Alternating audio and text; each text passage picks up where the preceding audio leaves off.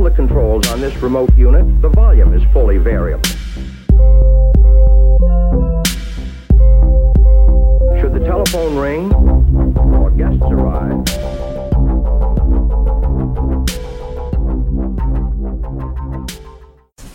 Okej, okay.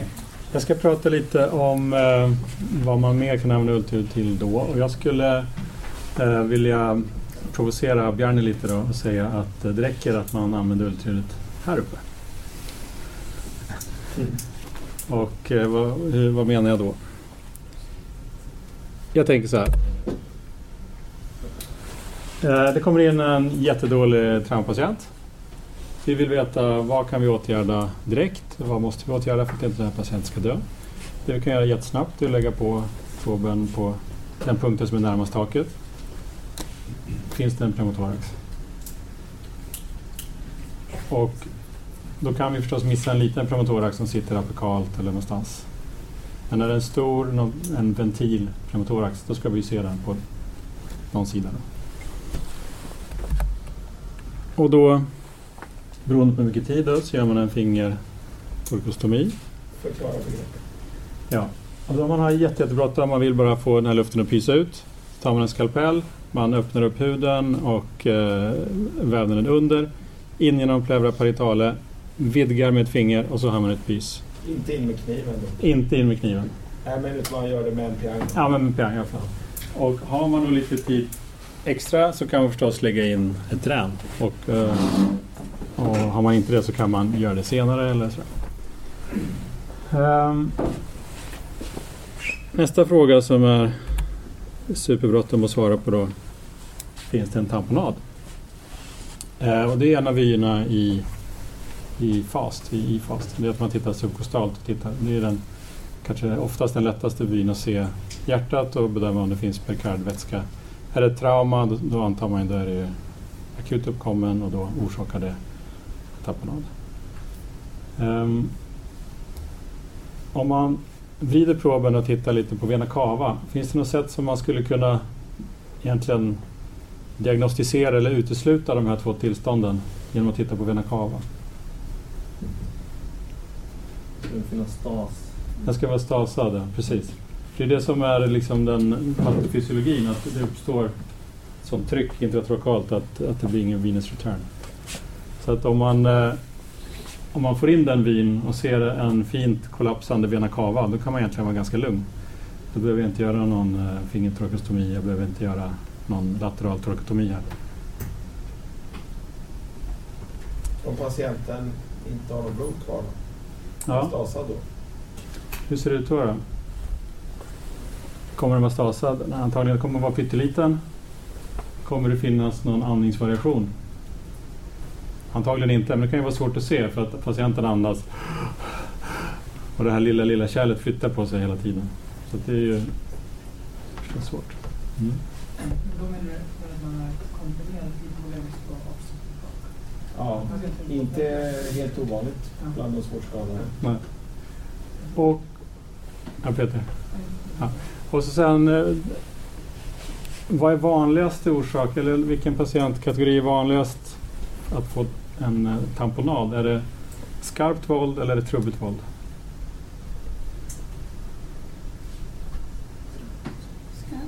Skarpt? Någon sa trubbigt? Tänkte ni? Berätta hur du tänker. Jag tänker att man behöver något stickande för att få den typen av eh, Ja, blödning. riktigt. Mm. Det kan säkert ske annars också. Men Så det, det vanliga då är att det är ett penetrerande våld av något slag som kommer in till hjärtat och orsakar en blödning så att det blöder in i hjärtsäcken. Eh, det finns ju trubbigt våld som orsakar tamponad också. Men vad är det som händer då oftast? Jo men det är ju att det är så kraftigt trubbigt våld att någon av hjärtrummen eh, liksom exploderar eller eh, rivs upp. Och vad händer då? Ja, men då kommer det ut väldigt mycket blod samtidigt in i hjärtsäcken och patienterna dör på plats. Så att om man ska överleva det, då ska det ju vara antingen ett, ett litet hål eller kanske ett, ett hål i höger förmak. Då kan man överleva det. Så att man ska, även fast det är trubbigt våld så ska man ju förstås titta efter tamponad. I vilka lägen är blöder mjukfärdigt yta då så att man får en tamponal av det? Eller blöder, blöder tillräckligt snabbt för att man ska utveckla Nej, alltså det som i så fall finns beskrivet det är om man skulle få någon slags um, ruptur på någon av koronarkärlen. Eh, man kan få en eh, ruptur på aorta så att man, får, eh, man kan få en, en dissektion så att det blöder tillbaka. Men när man får, för det du beskriver då, en kontusion på hjärtytan och att det blöder så mycket så att det orsakar en tamponad, det är inte vanligt i alla fall. Okej. Okay. Så här då, vad gör man om det är en tamponad och patienten är jättedålig? Då torakotomerar man patienten. Mer om det imorgon. Mer om det. Och nästa grej då som jag tycker att man kan bedöma då, det är ju om är patienten hypovolem. Och det kan man ju se eh, på hjärtat genom att det liksom pumpar febrilt, det pumpar sig tomt. Jag brukar prata om att det ser hyperdynamiskt ut. Att man har kissing walls, det vill säga att eh, kammarväggarna slår i varandra i slutsystole. Och om man tittar på kava så ska den vara liten och, och så ska den variera väldigt mycket. Och sen har jag lagt till att den ska vara en A-profil, det vill säga inte en B-profil. Man ska inte ha mycket bilines. Och då... Eh, vad är det som är vanligt på traumapatienter? Eller liksom, vad är det vi letar efter? Det är ju som gör dem jättedåliga. Det är ju... Finns det en metilpneumothorax? Finns det tamponad? Men nästa stora grej, det är ju att de blöder, eller hur? Så att om det ser ut så här då, då kan vi nästan säga att ja, men de blöder någonstans. Då behöver man inte ha jättemycket bakom sig för att säga. Så därför säger jag att då kanske man inte behöver göra någon fast. Om, de, om man tittar här och de ser helt normala ut, hjärtat pumpar på i sakta fart, då, då kanske man kan gå till en CT. Och nu provocerar lite grann här. och, och björnen sitter där bak. Men... Eh, ja, men jag tycker jag, jag håller helt med. Ja. Och eh, sen ser det olika ut på olika sjukhus. Eh, här på våra traumarum eh, så är vi ett helt team och eh, vi har en radiolog som gör FAST. Så det betyder att vi har all, all tid i världen att eller alltid i världen har vi inte, men vi har möjlighet att göra den här hjärtundersökningen parallellt som det görs en FAST. Eh, där ni jobbar, gör ni då, skulle ni då göra FAST själva? Eller, ja. Om någon ska göra det så är det Om någon ska göra det så är det du? Ja. Eh, då hamnar man i en annan sits då. Det är liksom en liten lyxsits som vi har. Dels har vi CTn extremt nära så att vi behöver inte gå något långt och sen så har vi en, en radiolog som alltid gör FAST. Så att eh, ta det jag säger med en nypa salt men lite tankvärt i alla fall. Dessutom är det så att de uttrycker ju osäkerhet. Vi ser det, men de ja. erkänner det. Det är våra röntgenkompisar. Det där är inte riktigt deras grej att jobba där uppe. Ja. Uh, så där kommer vi kunna, ni och vi kunna ha högre kvalitet ja. om vi delar på det. Ja, ja fråga. Ja, det sa du, men jag...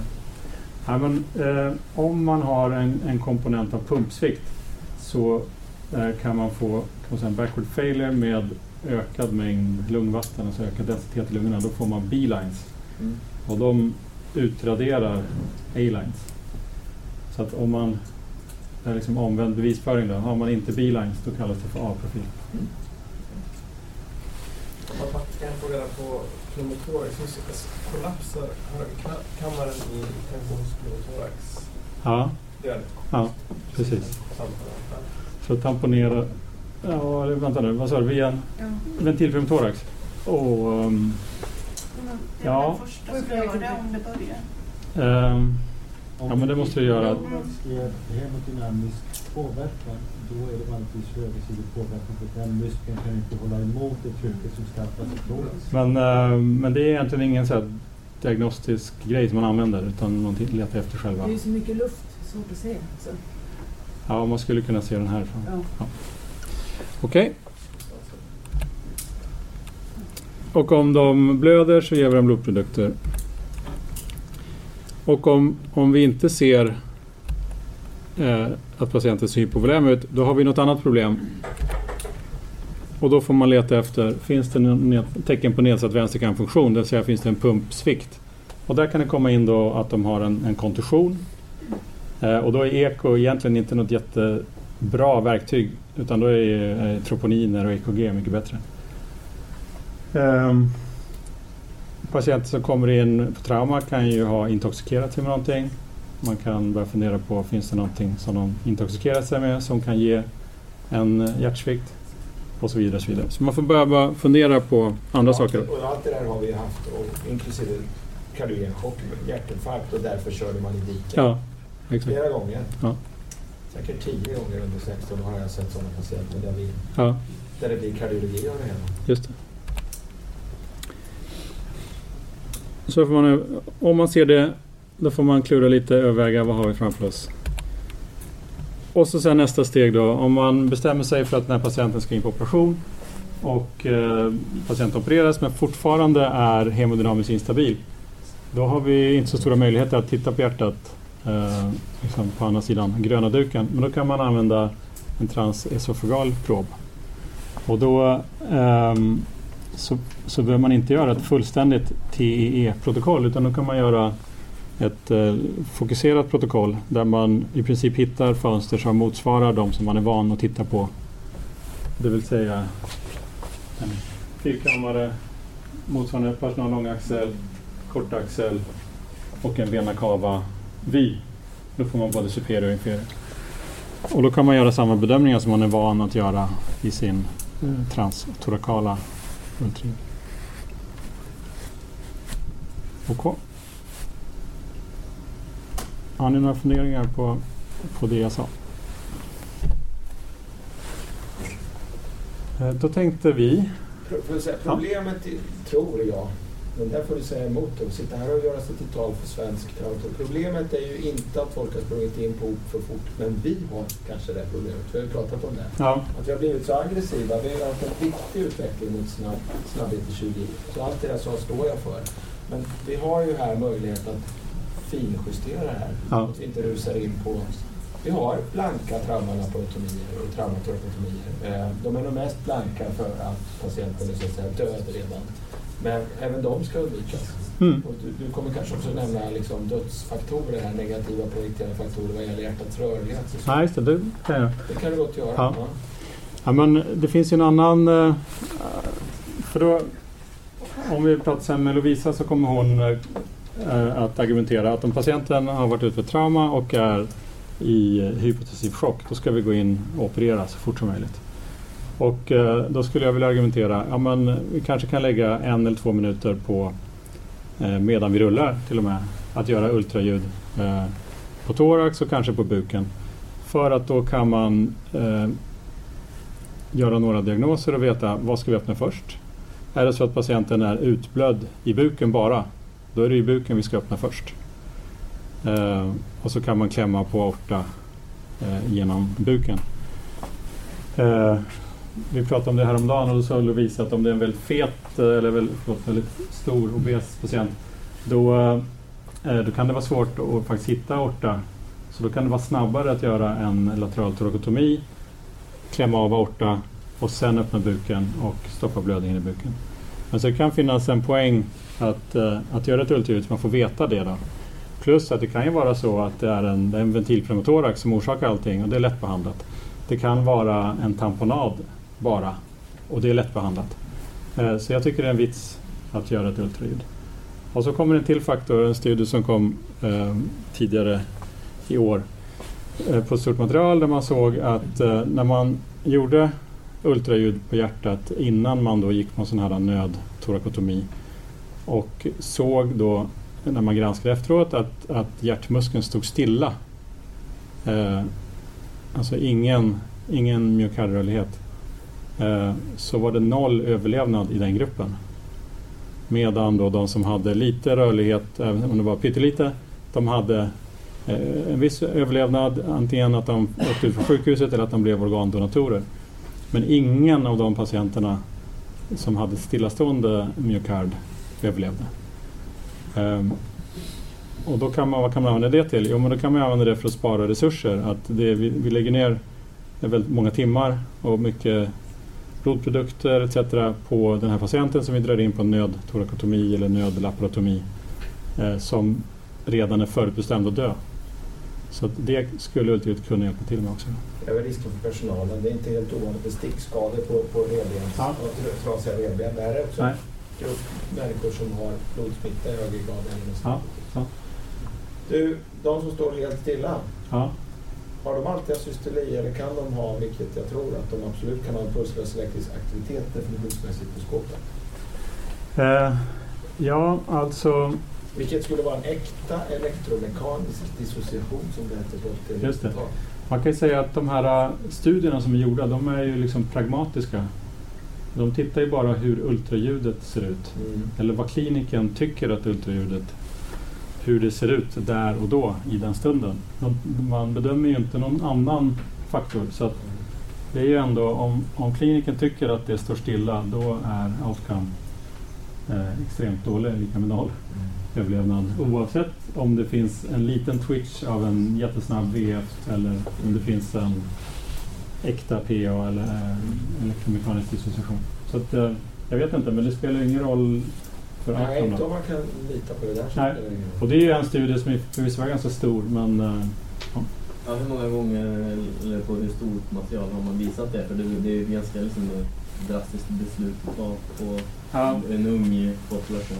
eh, den studien var på 187 patienter. Ja. Eller är det- gör ni så här nu? Nej, vi gör ju inte det. Är Nej. vi ju framme vid det här. Eh, Däremot så har det ju hänt att, eh, det har ju hänt eh, att man har bett röntgenologen som det är i eh, för att man tycker att den här patienten är död och då har det varit bland olika uppfattningar. För att det är ju väldigt ofta de har någon liten krumelur på EKG och sen så kanske man har Mm. masserat på vägen in och det har nästan blivit lite makabert ibland och man har eh, torakotomerat och laparotomerat och, och, och transfunderat massivt på, på patienter som, som i princip var döda när de kom in. Och, Mm. eh, så att eh, det händer eh, innan vi dödförklarar patienten att vi ber dem titta. Mm. Och då, man kan säga att våra radiologer de är ju tränade för att göra fast, för att leta finns det vätska i buken, finns det, finns det vätska i perikardsäcken. Men de har inte lärt sig att göra liksom, ekokardiografi, det vill säga bedöma är det hyperdynamiskt, är det vänsterkammarsvikt, högerkammarsvikt. Eh, så att det, vi kan inte, eller vi kan be om det men vi får ju inte något Nej, bra det, svar. det är nästan bättre att titta själv. Så det är bättre, för ja. att, eh, De brukar ta ganska god tid på sig Ja. innan de vågar svara att det står fel. Ja. Och där kan man bara säga en, en detalj i det att, att det blir skillnad också om man tittar med, eh, med bukproben och med hjärtproben. För, för bukproben den är ju egentligen gjord för att ge en bra upplösning på en, en stor yta, en stor area. Eh, Medan hjärtproben är konstruerad för att ge eh, bra upplösning av rörelser. Så den, det heter ju sektorprob, så den sveper liksom fram och tillbaka som en vindrutetorkare. Så att om man försöker att liksom bedöma eh, hjärtaktiviteten med en bukprob och sen byter till en, en hjärtprob så kan man bli överraskad. Eh, Gör ni bara laterala? Vi gör bara det och det handlar väl om, jag frågade Lisa om det, det handlar om liksom träning att eh, man bestämmer sig för en metod. Inte för att den är bättre på något sätt, man bestämmer sig för att så här gör vi och då blir det lättare att träna. Och den är i och för sig mycket snabbare. Snabbare. Den ska hon gå på djupet imorgon så att säga. Håller Peter Hagen om det, det Mm. valet. Hur fel det vore att lägga upp i ett thoraxkirurgiskt läge. Man måste ha åtkomst till buken till exempel. Men en, Bara eh, det säger att man måste... en clamshell. Ja, vi kontra clamshell. Ja, men den ska vi kom ihåg den frågan och ställ den igen. Tänkte bara på det här, jag sa ju förut, jag tror inte att man ska vräka i kristalloider. Jag tror inte heller att man ska ge, man ska säga att patienten inte ska ha någon vätska. De där ytterligheterna, vi måste hitta det logiska mellanspelet. Jag tror inte man ska välja mellan en aktiv och aggressiv kirurg eller en ultraljuds, utan bägge naturligtvis. Va? Eh, Man ska inte välja mellan att bara load and go. Eh, kirurgerna vill ha in dem snabbt, då har de jättestor anledning att driva. Men vi ska visa dem att vi kan supporta dem fysiologiskt och patienterna utan att fördröja start till uppstart. Mm. Och det kan vi ju. Mm. Men ni kan göra det på 35 sekunder. För det finns 35 sekunder mellan att dörren öppnas och, och det Mm. finns nya sätt att angripa patienten. Man kan också tänka sig här att man allra första man gör är ultraljud Mm. i rapporten. Nej, men det, Mm. det är mycket vi kan fundera på. Mm. Ehm, Börjar det dra upp sig där eller? Det var, var som en fräck fråga. Ja. Ni disponerar det här Ja. gänget till 17. Ja, ja, men jag tycker vi, vi ska öva nu då